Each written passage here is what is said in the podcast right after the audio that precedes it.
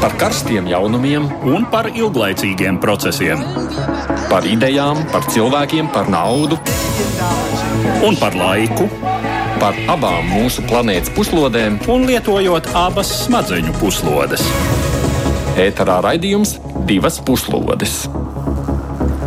Aizsmeļamies, Tamsāns, saka jums labdien! Šīs atkal ir raidījums divas puslodes, kas ir veltīts pasaules aktualitātēm.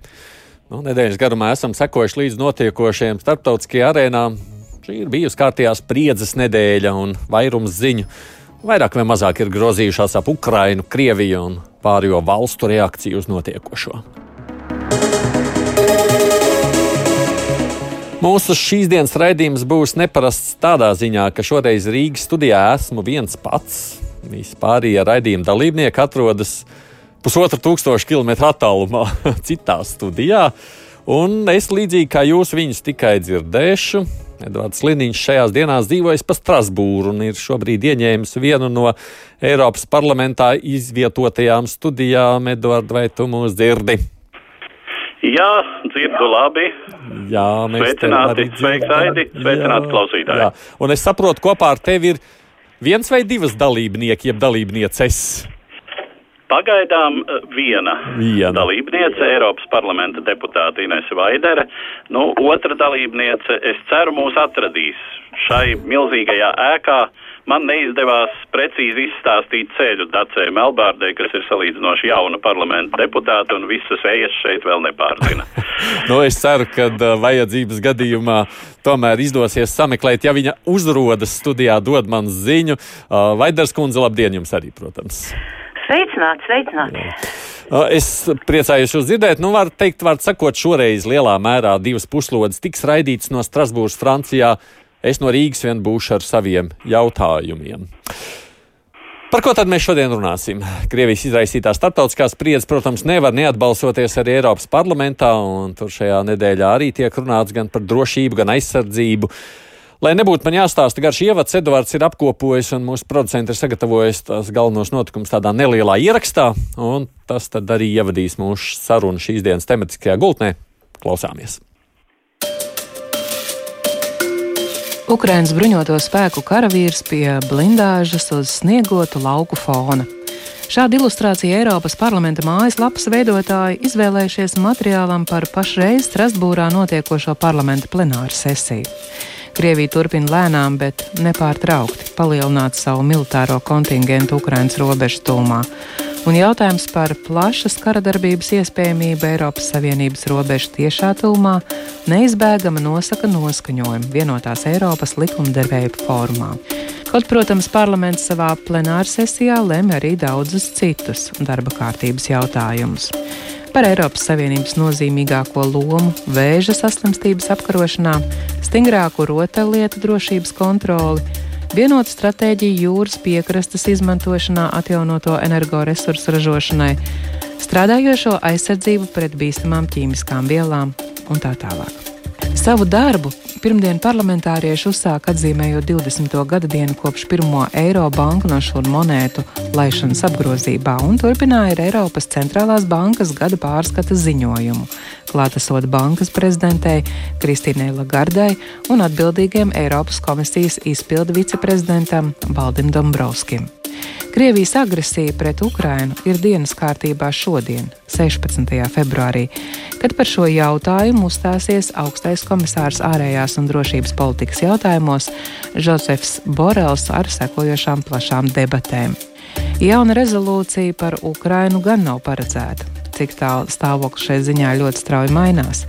Tāpat Eiropas Savienības politika attieksmē pret Krieviju noteikti tiks nozīmīgi skārta debatēs vēlāk šovakar, apspriežot parlamenta ārlietu komitejas sagatavoto ziņojumu par Eiropas vienotās ārpolitikas īstenošanu, kā arī ārlietu komitejas drošības un aizsardzības apakškomitejas ziņojumu par kopīgo drošības un aizsardzības politiku. Kas šobrīd notiek parlamentā? Tur ir debatas, kāds pārtraukums, kāda ir tā situācija? Pašlaik ir pārtraukums, bet mēs turpinām balsot. Es esmu jau nobalsojusi, un tāpēc varēju ierasties uz raidījumu, un 15. kas ir 16. pēc Latvijas laika, tiks atsāktas debatas. Mm -hmm. Un tās debatas par ko? tās vairs nebūs par tās par kārtiem jautājumiem, tās vairs nebūs par Ukrainu. Par Ukrainu, Krieviju tās bija dedzīgas debatas visu šo rītu, un tā kā saka par tām, es cik es saprotu, mēs arī šodien vairāk runāsim. Jā, jā. Ed, Eduard, kā tu jūti to gaisotni, ja runājam par Ukrainu, kāda tā ir Eiropas parlamentā staigājot pa Strasbūras gaiteņiem? Jā, nu, jāsaka, ka tieši šodien tā gaisotne ir mazliet mainījusies, ko var dzirdēt. Nu, es to saklausīju arī Borela kunga runas tādos toņos un arī dažu deputātu izteikumos, nu, ka tā sacīt tiek atviegloti izelpots, jo ir parādījušās ziņas, ka Krievija atvelkot, nu, pagaidām dažas vienības, eh, bet eh, nu, ir tā kā eh, iespēja runāt par šo krīzi, kā nu, katrā ziņā bez tālākas sāsinājuma perspektīvas, un dažiem jau šķiet, tas, ko es gribētu uzsvērt, manuprāt, dažiem šeit šķiet, ka briesmas ir pāri. Jo mm, šķiet, ka arī Borela kunga runā, es tie tādā gramatiskā formā var jau būt, ka tā ir nejaušība, bet sadzirdēju tātad tekstu, ka šī krīze bija. Šī krīze bija tāda un tāda, ja, ir, ir bijusi. Nu, var jau būt vienkārši tas ir uh, tulkojuma īpatnība. Mm. Bet uh, jāpiebilst tikai tā no tādiem uh, pēdējām ziņām, ko es arī skatos tīklos, tādu pierādījumu, ka tiešām Krievi atvilkt šobrīd savu karaspēku nav, ir tikai runas, bet tādas. Uh, nu, tāda faktoloģiska pierādījuma tam šobrīd nesot. Tā ziņo gan no Jā, Maskavas, nu, gan no tāda, tieši tāda droša pierādījuma nav, lai gan tas, uh, kā esošs, nu, varbūt negluži kā fakts, bet kā arguments eh, šeit no Eiropas parlamenta tribīnas vairāk kārt jau ir izskanējis. Jā, es gribu pieteikt Aidi, ka mums ir piebiedrojusies Eiropas parlamenta deputāta Daci Melbārda. Melbārds kundze, labdien jums arī! Labdien! Jā, reiz, reiz jūs esat šeit divas deputātes uh, Strasbūras studijā. Ko vispār Eiropas parlamenta deputāti saka par visu to, kas notiek ap Ukrainu? Tas redzējums ir kaut cik tāds vienots vai tā izpratne tomēr ir dažāda. Dats, sāksim vispirms ar jums. Nu, izskatās, ka tā izpratne ir uh, diezgan vienota, reti, ka par kuru jautājumu tā izpratne varētu būt tik vienota.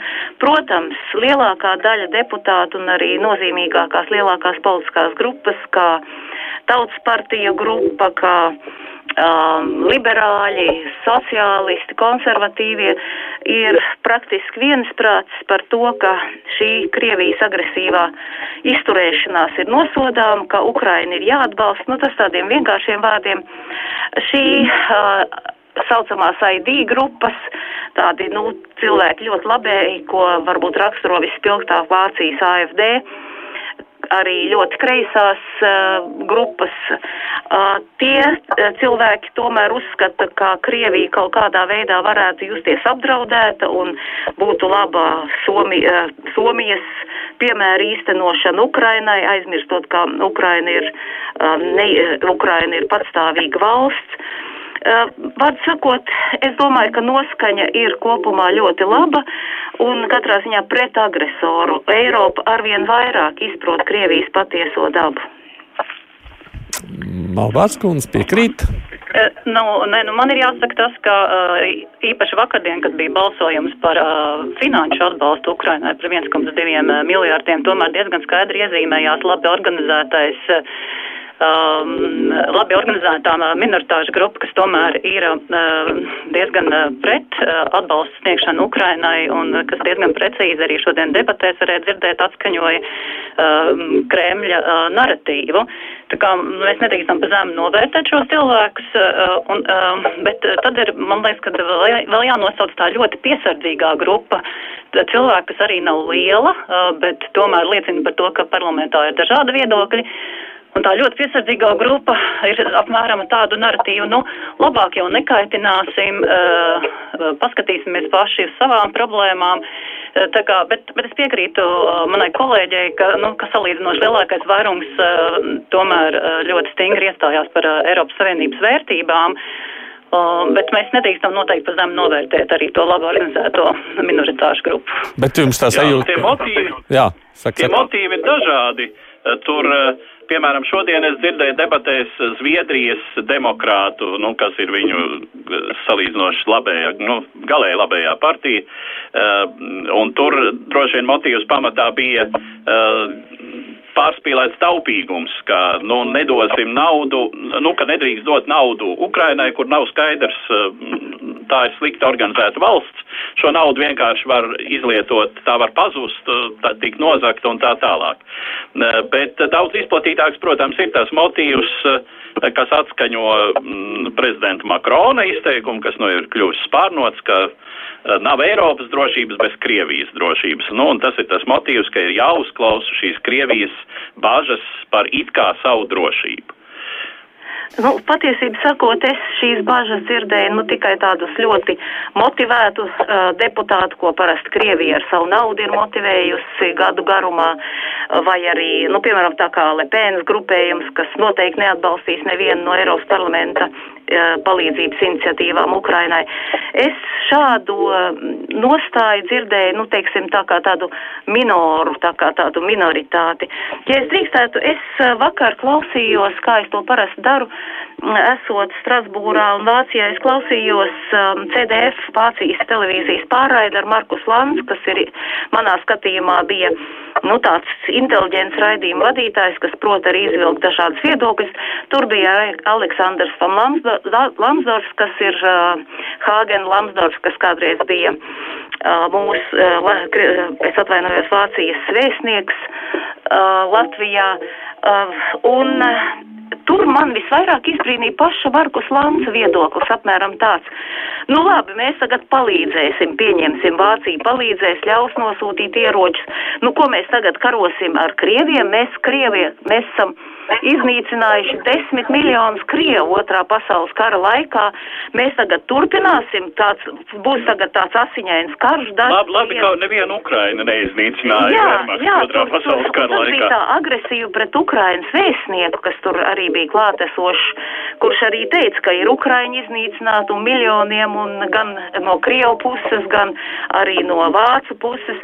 Tātad tas tiešām liecina par to, ka, teiksim, Vācijas sabiedrībā šī tāda vainas sajūta, tā neizpratne, ka patiesībā kāds tam sakars ir ar otro pasaules karu.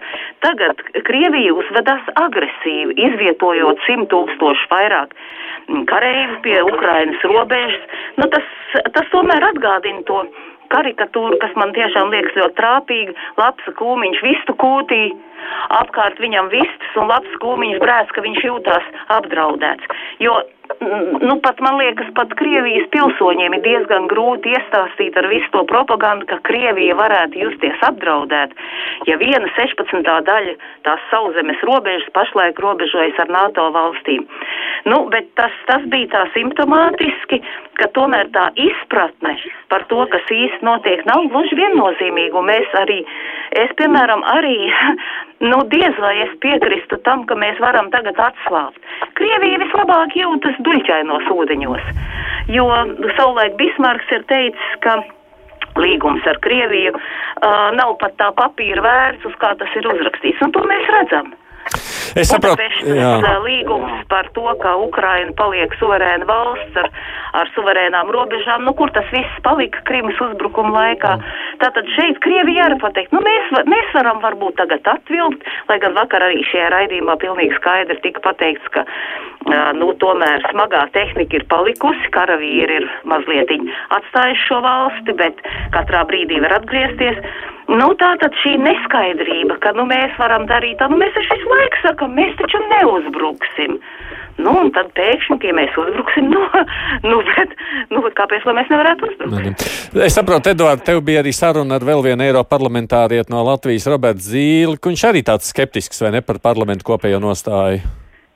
Nu, viņš nav skeptisks, viņš uh, atzīmē to, ka nu, dominējošā nostāja, kā mēs šeit jau konstatējam, tā dominējošā nostāja ir uh, ar pareizo izpratni un pareizo, nost, uh, pareizo pieeju. Bet, uh, nu jā, jā, protams, uh, mēs tātad paklausīsimies fragmentu uh, no ieraksta. Ja? Jūsuprāt, Eiropas parlamenta šī brīža izpratnes līmenis un ieinteresētības līmenis šai Ukrainas problēmā? Nu, no vienas puses viņš neapšaubām ir pieaudzis šis izpratnes līmenis. Tagad pēc pēdējā nu, mēneša, varētu teikt, notikumiem un Krievijas šī spiediena katlā radīšana, ko mēs redzam no Putina nu, vadītās faktiski Krievijas bruņoto spēku izvietošanas un visu šo militāro spēku savilkšanu ap uh, Ukrainas robežām, beidzot atmodināja ar izpratni par šiem apdraudējumiem šeit arī Eiropas parlamenta politiķis pamatā no Rietumē Eiropas, jo Austrum Centrāla Eiropas valstu mani kolēģi no visdažādākām grupām, es gribētu teikt, ka zināja šos uh, agri vai vēl iespējamos draudus jau iepriekš. Bet nu, joprojām teiksim, mēs mēģinājām arī neslēpšu, bija Ukraiņas vēstniecība, diezgan aktīvs darbs arī gan Latvijā, gan arī citur, teiksim, parādot tas, kas būtu īstenībā vajadzīgs Ukraiņai pašlaik arī no politiķiem parlamentā ar spēcīgu rezolūciju, kas varētu pateikt to, ka ceļš uz rietumiem ir vaļā. Es nerunāju par NATO šajā gadījumā, bet par Eiropas Savienību, kas Ukrainas valdībai būtu ārkārtīgi svarīgs. Un arī tai sabiedrības daļai, kas redz šo proeiropisko virzienu Ukrainas nākotnē, tas būtu ārkārtīgi svarīgi šajā brīdī. Vai tas izdosies ar tiem vārdiem? Nu, teiksim, saka, vai aizies līdz tādam līmenim, ka Ukraiņai vārds vaļā, ka tā var kļūt par kandidātu valsts Eiropas Savienībā. Vai tik stipri vārdi nebūs, kas visdrīzākais arī neizdosies vairāk un panākt būs. Vismaz tas, ka Ukraiņā ejot šo iestāšanās virzienu, varētu kādā brīdī sasniegt šādu statusu vai kaut kas tamlīdzīgs. Nu, tas raksturo šo vidi, kāda te pašlaik ir. Kā jau teicu, ir nu, labākā 14. gadā izpratne 2014. gadā pēc Krievijas agresijas Krimā un, un arī Austrumukrainā. Bet nu, joprojām manā skatījumā diezgan nepietiekami. Protams, tā situācija tik dinamiski attīstās, ka mēs nezinām, kas var notikt rīt vai parīt.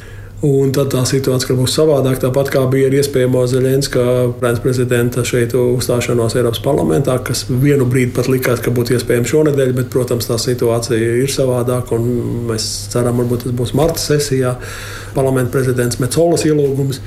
Nu, mēs skatīsimies, kā tas attīstās, bet, eh, diemžēl, tas ir tas eh, kompromiss par to jūsu minēto jautājumu, kas, kas šodien ir sasniedzams. Un ko jūs sagaidāt rīt no Borela kunga uzstāšanās par šo problēmu? Godīgi sakot, es esmu bijis kritisks un arī palieku kritisks pret viņu arī viņa iepriekšējām vizītēm Maskavā pie Laurova, kas bija izgāšanās un kas šeit tik ļoti kritizēta arī Eiropas parlamentā no vairums kolēģu.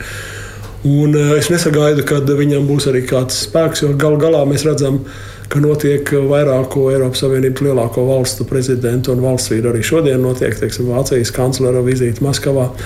Un pirms tam Makrona, tas, protams, ir ārkārtīgi svarīgs tas elements, kas šeit daudz Eiropas parlamentā tracina ārpolitiskā daļā, no īpaši no, domāju, no Rietumē Eiropas valstu, Francijas, Vācijas, ka Krievija pamatā runā ar Vašingtonu.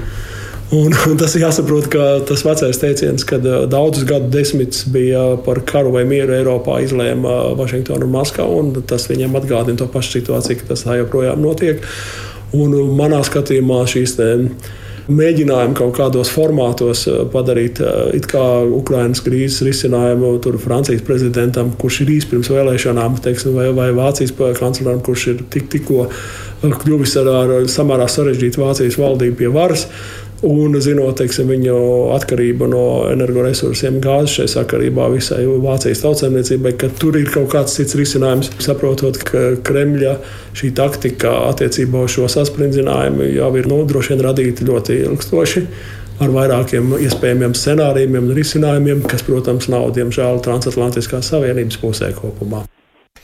Un tā ir Eiropas parlamenta deputāts Roberts Zīle, bet vispār kā Eiropas parlaments šobrīd reaģē kopumā uz visu to, kas notiek? Tātad jums debates, kas vēl izstāstiet? Uh... Nu, ir šīs šodienas debatas par Ukrainas un Krievijas problemātiku. Un, nu, protams, šos jautājumus skar arī pāris šie ziņojumi, kas tiks prezentēti šovakar un arī ar debatēm nu, par Eiropas vienoto ārpolitiku, Eiropas vienoto drošības un aizsardzības politiku par kuru viens, mans, viens cits mans sarunbiedrs, kur jūs arī dzirdēsiet mazliet vēlāk ierakstā, teica tādu ļoti, ļoti sarkastisku frāzi, bet no to es atstāšu līdz šim ierakstam. Jā, jā ja es varētu vēl varbūt par to rezolūciju, kas te tika pieminēta. Uh, izskatās, ka pašlaik Eiropas parlamenta rezolūcijas nebūs, jo situācija ir mainīga un lai Eiropas parlamenta rezolūcija būtu tā procedūra gara, bet ļoti ticams, ka varētu būt politisko grupu rezolūcija, ko pieņemtu politisko grupu līderi. Un uh, vismaz man ir tāda informācija, ka ir vienojušās politiskās grupas par to, ka izteiks spēcīgu atbalstu Ukrainai, arī to, ka agresijas gadījumā būs spēcīga atbilde, spēcīgas sankcijas. Un um, man šeit gribētos arī pateikt to par to spēcīgumu, par tām sankcijām. Jo tas, ka būs spēcīgas sankcijas, tas ir labi, ka tas ir pateikts, bet joprojām Rietumvalsts cenšas runāt ar Krieviju, it kā tā būtu demokrātiska valsts, it kā tā saprastu diplomātijas valodu. Saprast jau saprot, tikai neņem vērā, nu to liecina, piemēram, uh, Krievijas vēstnieks Zviedrijā izteikumi, ko viņš domā par um, um, sankcijām, un tie bija rupji izteikumi, no laikam, teiksim, rupjība, tas, tas ir jaunais stils, kā Krievija runās ar visiem pārējiem, arī šis garais gals par to liecina, par ko jau paši Krievi smējās, arī tas, ka nu, pēc neoficiālas informācijas ir uh, pieprasīts, lai būtu Covid tests tiktu taisīts Maskavā, gan Makronam, gan arī Šolcam, viņi ir atteikušies abi divi no šīs procedūras procedūras. Arī tas, ka Puķins brašs tāds maziņš iziet pa pirmais pa durīm ārā un tad kaut kur šalts stekalē pakaļ. Nu, tā attieksme ir tāda, nu, ka var redzēt, nu, jūs te braucat, jūs tādi zolīdi, nu, mēs tur vispār ar jums nereiķinamies. Un tāpēc ir tām sankcijām ir jāpasaka, man liekas, jau taš pašlaik, kādas būs tās sankcijas. Spērsiet kāju Ukrainas zemē, būs tas, tas, tas. Es domāju, ka, nu, pazīstot Krievus, es tomēr ar viņiem esmu dzīvojis pietiekami ilgi kopā. Eh, tās būtu ļoti sāpīgas sankcijas, ja tās būtu personīgas sankcijas. Nu, pieņemsim, tiem visiem domes, deputātu un iesaistīto organizāciju radiem, bērniem, visiem pārējiem, kas atrodas uh, Eiropas Savienības valstīs, arī apvienotajā karalistē, arī Amerikā, jātiek, ja notiek invāzija Ukrainā, 72 stundu uh, brīdinājums atstāt šīs valsts un visiem, un, un uh, masveidā anulēt vīzas, un līdz ar to arī liekt iebraukt, radiem iepirkties, kas ļoti patīk uh, darīt Rietuma Eiropā, Anglijā, Amerikā. Pašlaik līdz tam mēs neesam nonākuši tieši tāpat kā kontu slēgšana. Grūti laikam ir uh, lielajām bankām apvienotajā karalistē un citu atteikties no momentā no Krievijas naudas, iesaldēt to. Šeit varētu būt daudz spēcīgāka atbilda un šeit Mišela kungam, kurš, protams, ir, nu, uh, arī parādījis to, ka, nu, ir ļoti labi, ka mēs esam bijuši vienoti un mēs būsim vienoti, tad parādīt to praktisko vienotību un Krieviem skaidri pateikt, ja jūs uzvedīsieties tā un tā, būs tā un tā. Okay. Labā A, ko... ziņa, protams, ir tā, ka mēs esam parādījuši, ka mēs esam visai vienoti. A, ko Melbārds kundze domā, ko vajadzētu? Nu, es sākumā gribētu komentēt, varbūt arī tās sajūtas aizkulisē. Tā, tā mana sajūta ir tāda, ka Rietuma Eiropā dzīvojošie joprojām ļoti tic tam, ka ir iespējams ar Krieviju diplomātiski vienoties. Es nezinu, cik daudz um, Rietuma Eiropā dzīvojošie var skatīties Krievu kanālus un klausīties, ko Putins runā. Es vakardien klausījos preses konferenci pēc Šolts un Putina sarunām un uh, pievērst uzmanību tam, ko Putins runāja. Un man liekas, ka tas ir tas, ko mēs līdz galam neapzināmies, ka viņš ļoti skaidri uh, pateica to, ka viņi neplāno nekādā veidā šo spēkus atvilkt, uh, ja Rietuma Eiropa nepildīs savus, uh, ja pareizāk sakot, ja Rietuma Eiropa nepildīs, ja Eiropas Savienība nepildīs Krievijas nosacījumus. Un man liekas, ka šī ir tā lieta, par ko mēs šeit nepietiekoši esam runājuši, kas ir tieši nu, neizpildāmie nosacījumi. Un savā ziņā, nu jāsaka godīgi, ka mēs esam attiecībās, attiecībā pret Krievijas un Ukrainas konfliktu zināmā, zināmā strupceļā. Jo es godīgi sakot neredzu, ka Putins kaut kādā veidā atkāpsies no šiem nosacījumiem. Tas ir proti atvilkt NATO spēkus no Krievijas robežām un atstāt Ukrainu Krievijas kā, ietekmes zonā. Tā kā es domāju, ka uh, tas optimisms par to, ka ir diplomātiski jau iespējams kaut ko darīt un ar sankcijām ietekmēt, uh, vēl, vēl pagaidām ir diezgan liels. Ja mēs runājam par citām tām darbībām, kas ir ilgtermiņa, kas, manuprāt, ir pozitīvi vērtējums, ir tas, ka šis Ukrainas un Krievijas konflikts ir zināmā mērā devis impulsu Eiropai un Eiropas Savienībai vairāk domāt par savu iekšējo drošību, par savas kopīgās ārpolitikas un aizsardzības politikas veidošanu, kur, protams, ļoti daudz lietas ir diskutējamas. Uh, bet kopumā doma par to, ka panākt Eiropas lielāku strateģisko suverenitāti ir laba, un man liekas, ka tas fonds, kas ir uz ilgtermiņu vērsts, uh, ir, ir, ir kopumā pozitīvi vērtējums, bet vēlreiz gribu uzsvērt, šeit ir daudz lietas, kur jādiskutē ir par detaļām, tā skaitā par šī ideja veidot Eiropas armiju, kas tika saukt ļoti tādā smalkā vārdā daudz, nacionālas militāras vienības. Tā kā, jā, ir daudz nianses, kuras mēs varam runāt kā par fona jautājumu, kas, kas ir paš, ar pašu pašu Eiropas Savienību saistīts. Mm. Edvard, tev bija intervija ar vienu Igaunijas parlamentārietu, vai ne? Jā, jā. Uh, Urmas Pēc, uh, kurš ir viens no uh, ārlietu komitejas vicepriekšsēdētājiem. Mm -hmm.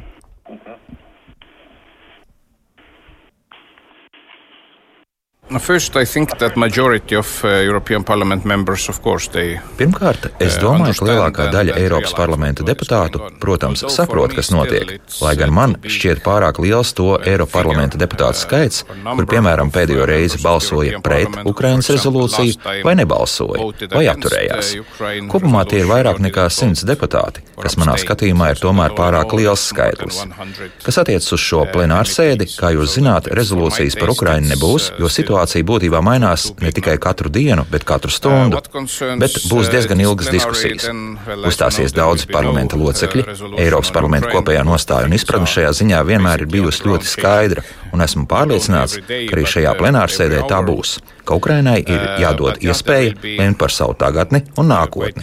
Un tad, protams, Krievijai nevajadzētu iejaukties Ukrainas lēmumu pieņemšanā. Un, protams, arī izvākties no Donbasa un Krimas. Tā ir bijusi Eiropa parlamenta nostāja, un tāda būs arī tik ilgi, cik nepieciešams. Uh,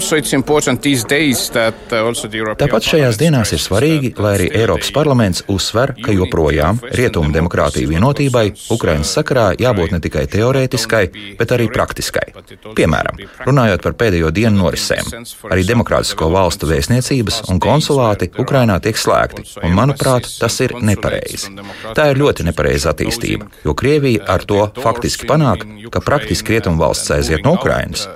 Tā ka, ja mēs tiešām runājam arī par solidaritāti un palīdzību Ukrainai, tad tai ir jābūt ne tikai finansiālai palīdzībai, kas ir svarīga, bet arī ļoti praktiskai morālai un pēc tam arī politiskai palīdzībai uz vietas Ukrainā. Uh, no otras puses, kas šajā gadījumā attiecas uz Krieviju, rietumu valstu galvenie vēstījumi, protams, ir tie paši, bet arī no praktiskā viedokļa es personīgi nedaudz kritiski skatos uz to, ka katru otro dienu kāds ierodas uz sarunām Maskavā. Šajā situācijā, manuprāt, ja notiek sarunas, tad tām vajadzētu būt kādas trešās valsts kādā neitrālā teritorijā. Nevis kā visi rietumu vadītāji katru reizi brauc uz Maskavu un tur risina sarunas. Tā ka šādos pašreizējos taktiskos soļos ir vieta uzlabojumiem, un es domāju, ka arī Eiropas parlaments ar savām rezolūcijām ir tā vieta, kur var risināt šos jautājumus. Tā Igaunijas deputāts Malbērts kundze ir tā, ka Baltieši jau ir vienotāki savā nostājā, vai tomēr nē?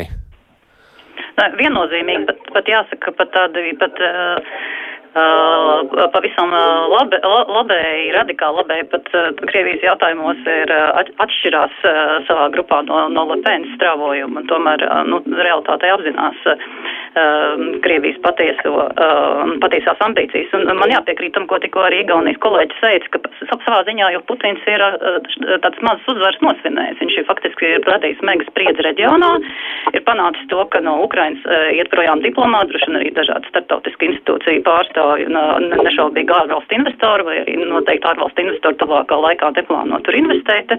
Tā kā faktiski jau tādas mazas uzvariņas ir panāktas, ne, nešaubīgi radīt iekšpolitiskās spriedzes, parādīts esošā prezidenta vājums, pusotru gadu laikam ir Ukrainas vēlēšanas, nav zināms, kā tās beigsies. Tā kā izskatās vairāk, ka tā stratēģija šobrīd ir tomēr nogodināt uh, starptautisko sabiedrību, turpināt uh, pamazām drupināt Ukrainu un panākt to, ka tiešām pati sabiedrība tur šķeļās un kaut ko maina. Un man liekas, ka tas, kas, kas vēl ir bīstams uz visu šī liel, lielās mega krīzes fona, uh, ir, protams, Krievijas parlamenta priekšlikums uh, atzīt uh, divas neatkarīgās republikas, uh, Donbass un Luganska, un apmēram cerot, nu, kad, uh, nu, var, varbūt tās, kad uz visu šī tās lielās spriedzes, to, ka mēs te varētu pieteikt karu neiet iekšā, nu, varbūt, ka jūs vismaz pieņemat to mazumiņu, ka mēs tagad uh, atzīstam tās neatkarīgās valstis. Uh, tā kā tur ļoti daudz tāds mazi strateģiski gājieni gudri tiek izspēlēti jau šobrīd, uh, un mēs patiešām varam vērot šobrīd, uh, nu, tādu hibrīdu, uh, hibrīdu uzbrukums Krievijas izpildījumā. Par visām jā, tā jā, jau ir. jā, turpin. tā ir tāda vispārīgi runājot, tā ir lielā Krievijas priekšrocība, ka tā var atļauties neuztraukties, teiksim, par vēža apkarošanu vai rotaļlietu drošību tā,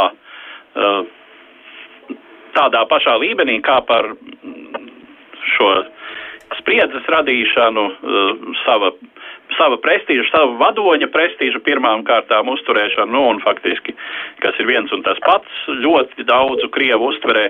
Nu, tās ir tās lietas, kuras, es domāju, šeit tiešām Eiropas parlamentā cilvēki nav pieredzējuši. Ļoti daudz šeit ir tomēr salīdzinoši gados jauni cilvēki, kur nevar iedomāties, kā tas ir, kad valsts esmu es. Nu, viņi to var iedomāties literāri, beletristikas līmenī, bet uh, reālā politiskā praksē uh, tāda mentalitāte, tas ir viņiem teju neaptverami, es domāju.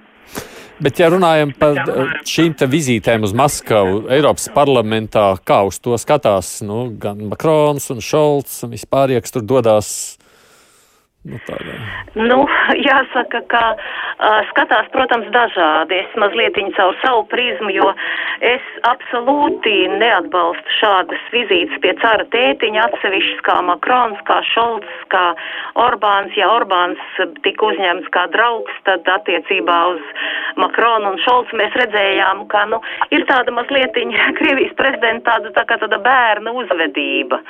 Nu, mēģināt pazemot to cilvēku, kas ir ieradies. Un principā tas viņam arī izdevās. Es mēģināju skatīties ar tādu neitrālu skatu, kā jau es minēju, šis garais tur piecu metru galds starpā, ka vienam otru runājot, arī šī nepalaišana pa priekš šīs um, analīzes, testa prasīšanas un tam līdzīgi. Un es vakar noskatījos arī Šolts preses konferences. Nu, Viņš nerada iespaidu, tā, kā savulaik Angela Merkel, ka tas ir cilvēks, kas zina, ko grib, kas var izdarīt, ko grib. Nu, tāds, tāds, nu, tāds mazliet tāds grāmatvedis, kas paķiķināja par to, ka, un pie tam neveiksmīgi, manuprāt, ka, nu, Ukrainas uzņemšana NATO pašlaik nav dienas kārtībā, viņam nevajadzēja tā teikt, drīzāk viņam vajadzēja atgādināt, ka katrai valstī ir iespējams izvēlēties, kādā blokā piedalīties. Arī tas, ka, nu, mēs jau te abi, nu, saka, es, Šolts un tu Putins, mēs jau arī mūžīgi nebūsim šajos amatos, varbūt, ka tad tas kaut kad notiks, nu, man liekas, ka Putinam bija sāpīgi to dzirdēt, ka viņš nebūs mūžīgi amatā, bet, nu, Šalts par to pasmējās. Es nedomāju, ka tā ir ļoti laba rīcība, tiešām vai nu tā varētu būt neitrāla teritorija, vai arī telefona zvani, jārunā, protams, ir par to nav šaubu, bet tieši tas tieši tas, ka beidzot visi ir ievērojuši atkal, ka Krievija ir, ka Krievija ir prezidents, jo kopš Krimas, nu, Krievija vairs īsti netika nosēdināta pie lielo puišu galda, ar viņu īpaši nerēķinājās. Sīrijas konflikta gadījumā izdevās mazliet viņa atkal pasauli uzjundīt, bet nu, tas kaut kā noklusa. Mēs aizmirsām arī šeit um, vienu ļoti nozīmīgu lietu, un tas ir Nord Stream 2 gāzes vats. Es domāju, ka lielā mērā šī visa situācija risinās tieši ap šo Nord Stream gāzes vadu, jo tā lietderība jau tiek apšaubīta kopš uh, celtniecības sākuma. Turklāt pagaidām nav izpildītas Eiropas Savienības normas, lai šo gāzes vadu varētu palaist darbībā. Bet, nu, ir apmēram tā, nu, ja mēs neuzbruksim, nu, tad šo gāzes vadu varēs būvēt tālāk. Nu, tas ir tas, ko Krievija jau tagad gandrīz vai morāli uh, ir ieguvusi un kas ir pilnīgi nepieļaujami, jo tādā gadījumā mēs noteikti tikai nostiprināsim atkarību no Krievijas gāzes, un šī varētu arī būt ļoti bīstama lieta, un tāpēc arī Vācijai vajadzētu tomēr varbūt atzīt savas kļūdas iepriekšējos periodos, un šis gāzes nu, pat tiešām neiet nekādās, neiet nekādos rāmjos, ne ar mūsu enerģētikas neatkarības politiku, nec arī ar Eiropas normām. Tā kā es domāju, ir bijušas jau tādas no šīs visas neskaidrās situācijas jau tādas uzvaras, arī tas, ka tas tiek nosaukts par Ukrainas konfliktu. Tas nav Ukrainas konflikts, tā ir Krievijas agresīva, Ukra... Eh, Krievijas agresīva izturēšanās pret Ukrainu. Mm. Un tas eh, šādas visas tādas neskaidrības un arī tiešām lielā uzmanība, kas tagad tiek veltīta, tā jau ir tāda maza uzvara, un mēs varam uzvarēt vienīgi tad, ja mēs būsim ļoti vienoti, ja mēs ļoti skaidri pateiksim savus vēstījumus, ko mēs jau šeit runājam par Ukrainas suverenitāti, par mūsu atbalstu Ukrainai, un ka mēs pie tā arī turēsimies, bet ja tiks pārkāptas robežas, tad lūk būs tādas, tādas, tādas sankcijas, un tās ir nenovēršamas. Jā, Edvardam bija. Varbūt arī labprāt pakomentēt, ja drīkst. Jā, nu, jā, jā. Jā, jo uh, arī vakardien vērot preses konferenci kopā Šolcam ar, ar, ar Putinu.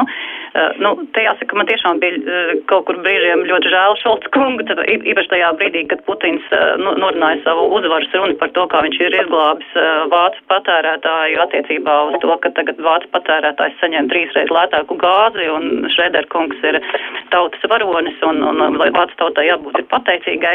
Tā kā es teiktu, ka uh, Putins ir vienmēr ļoti labi sagatavojies, viņam šie narratīvi ir atstrādāti un, diemžēl, mūsu rietumu līderi paliek ēnā un pat atsevišķās situācijās izskatās apkaunojoši. Tā kā acīm redzot, ir vērts pārdomāt šo, šīs vizītes, un, jo, šobrīd tās ir izmantotas. Diemžēl parādot to, ka uh, Eiropas Savienība tiek šķelta, ka ir atrasti instrumenti, kā, uh, kā, kā sašķelt, piemēram, Vācija ar šo Nord Stream. Uh, tas tiešām izskatījās ļoti nepatīkami. Mm. Edvardam bija saruna ar polijas deputātu Eduardu vai ne to Vitoldu Vaščikovski viens no ārlietu komitejas vicepriekšsēdētājiem. kādreizējais polijas ārlietu ministrs un tagad Eiroparlamenta deputāts arī viens no ārlietu komitejas vicepriekšsēdētājiem. Ļoti kritisks. Klausāmies ierakstu.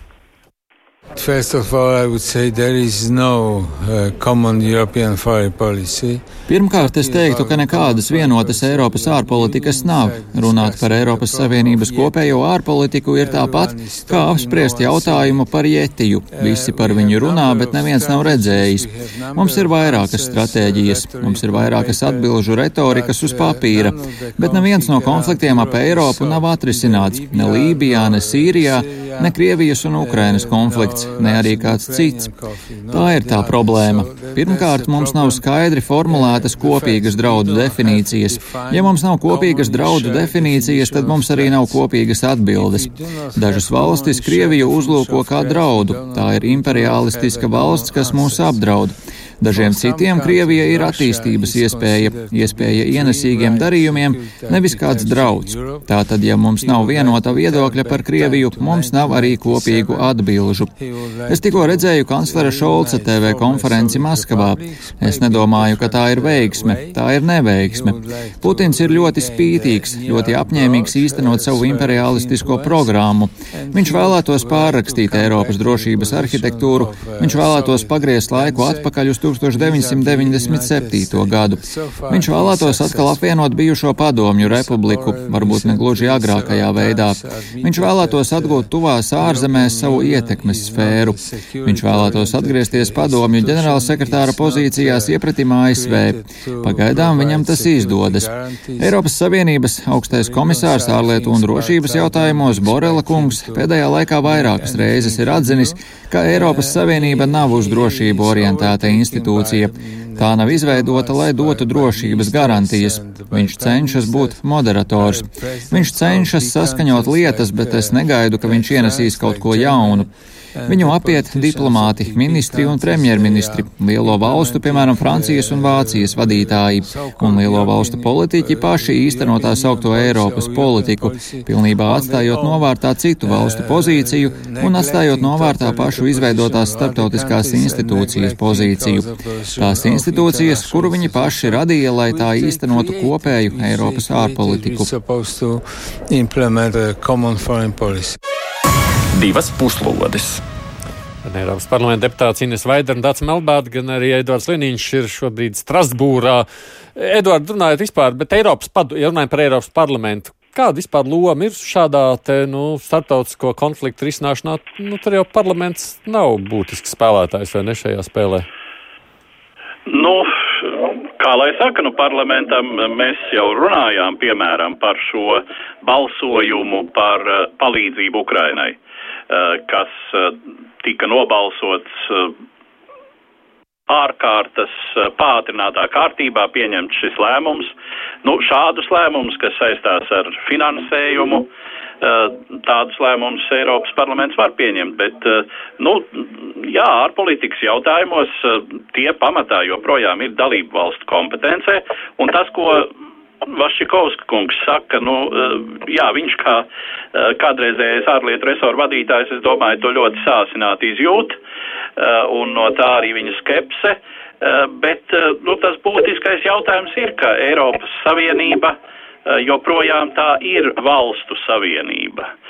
Tā nav valsts federāla vai kāda cita, kas veidot savu ārpolitiku tā, kā to var veidot Savienotās valstis, Ķīna, jebkura valsts tādā nozīmē. Un, nu, tā, tā ir, protams, tā Eiropas Savienības īpatnība, un, un kā Vašķikovska kungs teica, jā, kaut kur tas jetīs uh, slēpjas joprojām, tēlēni izsakoties šeit Strasbūras vai Briseles gaiteņos, jo, jo tas ir process, kas ir pastāvīgā tapšanā, uh, un uh, nu, mēs varam tikai prognozēt, kādu dinamiku tas atstās. Mēs šobrīd konstatējam, jā, joprojām lielās Eiropas valstis runā ar Krieviju uh, patiešo, uh, Krievija runā patiešo, nu viens, teiksim, tāds uh, žests varbūt bija šī atbilde uz 27 vēstulēm, kurus, kuras Krievijas ārlietu resors nesen ir nosūtījis 27 Eiropas dalību valstīm, atkal jau ar Krievijas uzstādījumiem un atbilde uh, bija viena. Jā, šo atbildi nosūtīja tātad Borela kungs Eiropas, uh, Eiropas uh, augstais komisārs ārlietu jautājumos, ārlietu un drošības jautājumos. Nu, vismaz žesta līmenī. Uh, tas bija skaidrs mājiens, ka tādā veidā tik rupji, nu tā ir kārtējā, teiksim, no, no starptautisko attiecību, no diplomātijas viedokļa kārtējā, teiksim, nu tāda, tāda, es teiktu, rupjība, ja nosūtīt 27 praktiski vienādas vēstules 27 valstu valdībā. Jā, nu, bet jau, runājot savukārt pašiem deputātiem, nu tā tā, tā ir tāda nu, attieksmes paušana, jeb demonstrēšana, vai neko Eiropas parlaments var izdarīt. Ja? Nu, Eiropas parlaments, kā ik viens parlaments, nav tāda ļoti aktīva rīcības institūcija, kā piemēram valdība. Vēl efektīvāki šādā ziņā ir autoritārie režīmi, jo viens cilvēks izlēma, ko darīt. Bet katrā ziņā mēs paužam savu viedokli, šie viedokļi dažkārt ir atšķirīgi, un valdības, eh, kuras eh, mēs arī zināmā mērā varam ietekmēt ar savu viedokli, ir spiests uzklausīt mūsu viedokli.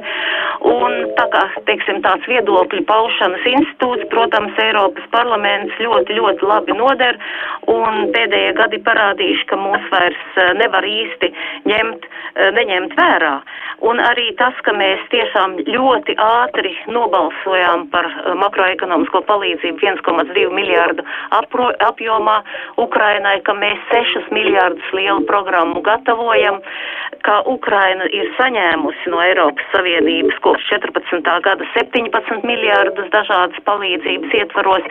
Tas nav maz, un tur, protams, Eiropas parlaments ir pielicis savu roku. Mēs to turpināsim darīt. Ļoti svarīgi būtu, lai mums šī atbilde patiešām vienmēr būtu vienota.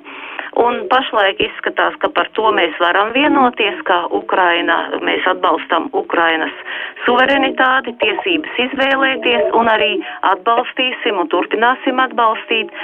Vēl, ja es drīkst piebilst par to, cik daudz pats Putins zina, ko darīt. Es domāju, ka viņš arī šajā brīdī nav īsti izšķīries, ko darīt. Viņš tausta, cik tālu var iet, ko var darīt, ko var panākt.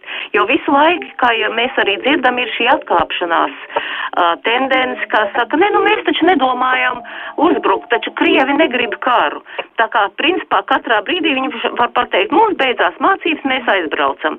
Protams, iekšpolitiski to pārdot ir uh, daudz grūtāk, jo ārpolitiski to saprastu citās dalību valstīs.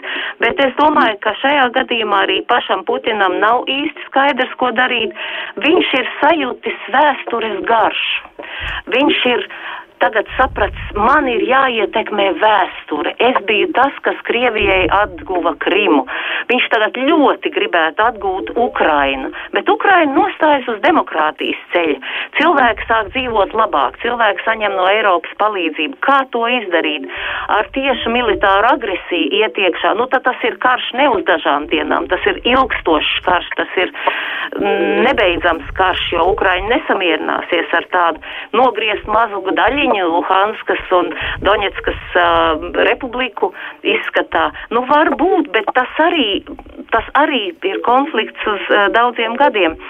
Tā kā es domāju, ka šajā gadījumā viņš grib atgriezt, varbūt, ka viņš grib laiku tagad mazlietiņ, varbūt, ka izdodas mainīt valdību, varbūt, ka nākošā valdība, nākošā vara Ukrainā varētu būt labvēlīgāk. Tā kā apmēram Lukašenko uh, Baltkrievijā neizdevās tiešā veidā. Uh, mm, no jā. es vairāk pabāztem savas spārda.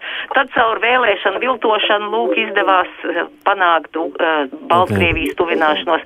Mēs nezinām, bet es šādus scenārijus neizslēdzu, ka viņš domā, kā varētu atstāt lielu nospiedumu vēsturē. Es, Puķins, kas jā. apvienoja slāvu pasauli. Runājot par spekulācijām, protams, kā būs, to mēs vēl redzēsim. Vienkārši jūs pieminētā naudas lieta, kas ir to es arī piemin Valds Dombrovskis, Eiropas komisijas viceprezidents Edvardam, bija saruna arī ar viņu. Paklausīsimies, mums ir vēl viens ieraksts. Ko Eiropas komisija piedāvā darīt un dara Ukrainas atbalstam? Jā, attiecībā ar situāciju starp eh, Krieviju un Ukrainu un šo eh, pašreizējo situācijas eskalāciju faktiski Eiropas komisija strādā eh, divos darba virzienos. Pirmais tā ir sankciju paketes sagatavošana pret Krieviju, un otrs darba virziens ir palīdzība pašai Ukrainai, kur Viens no konkrētiem lēmumiem, kas ir pieņemts, ir par papildus eh, makrofinansālās palīdzības piešķiršanu 1,2 miljardu eiro apmērā un arī papildus eh, finansiālās palīdzības grantu veidā piešķiršanu 120 miljonu eiro apmērā. Un pašreiz mēs strādājam pie tā, lai pirmie eh, maksājumi nonāktu Ukraiņas rīcībā pēc iespējas ātrāk.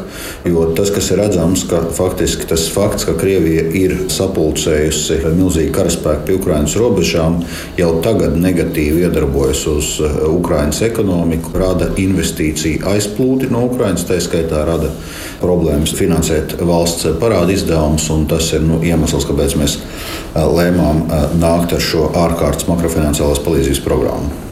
Eiropas parlaments jau ir atbalstījis šo programmu un eh, faktiski izdarījis to pātrinātā eh, procedūrā, nu, arī eh, saprotot situācijas nopietnību un steidzamību. Nu, attiecībā uz šo sankciju paketu sagatavošanu tas pamatā ir darbs ar Eiropas Savienības dalību valstīm, jo nu, tur primārais ir dalību valstu lēmums. Šajā plenāra sesijā tika arī prezentēts un debatēts ziņojums par Eiropas centrālās bankas gada pārskatu, vai tur ir kaut kas, kas ir uh, īpašas uzmanības vērts?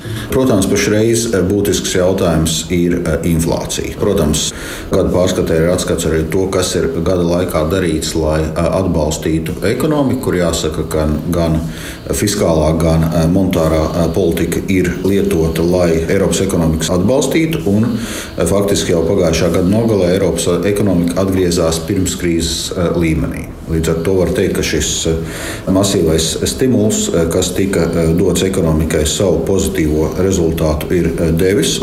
Recesija ne tuvu nebija tik dziļa, kā sākotnēji teiksim, tika prognozēts sākoties šai Covid-19 pandēmijai un ar to saistītai ekonomiskai krīzei. Arī bezdarba pieaugums ne tuvu nav bijis tik liels. Līdz ar to šis ekonomikas stimuls, protams, ir palīdzējis. Bet nu, pašreiz mēs redzam arī samērā straujo inflācijas pieaugumu. Līdz ar to svarīgs jautājums arī, kā tagad tuvāko mēnešu laikā ierobežot inflāciju. Tur gan jāatzīst, ka galvenais inflācijas dzinējspēks pašreiz ir augstās enerģijas cenas. Faktiski gada otrā pusē sagaidām nu, zinām situācijas normalizāciju. Tomēr ļoti iespējams, ka energoresursu cenas tomēr neatgriezīsies tādā līmenī, kā tas bija pirms krīzes.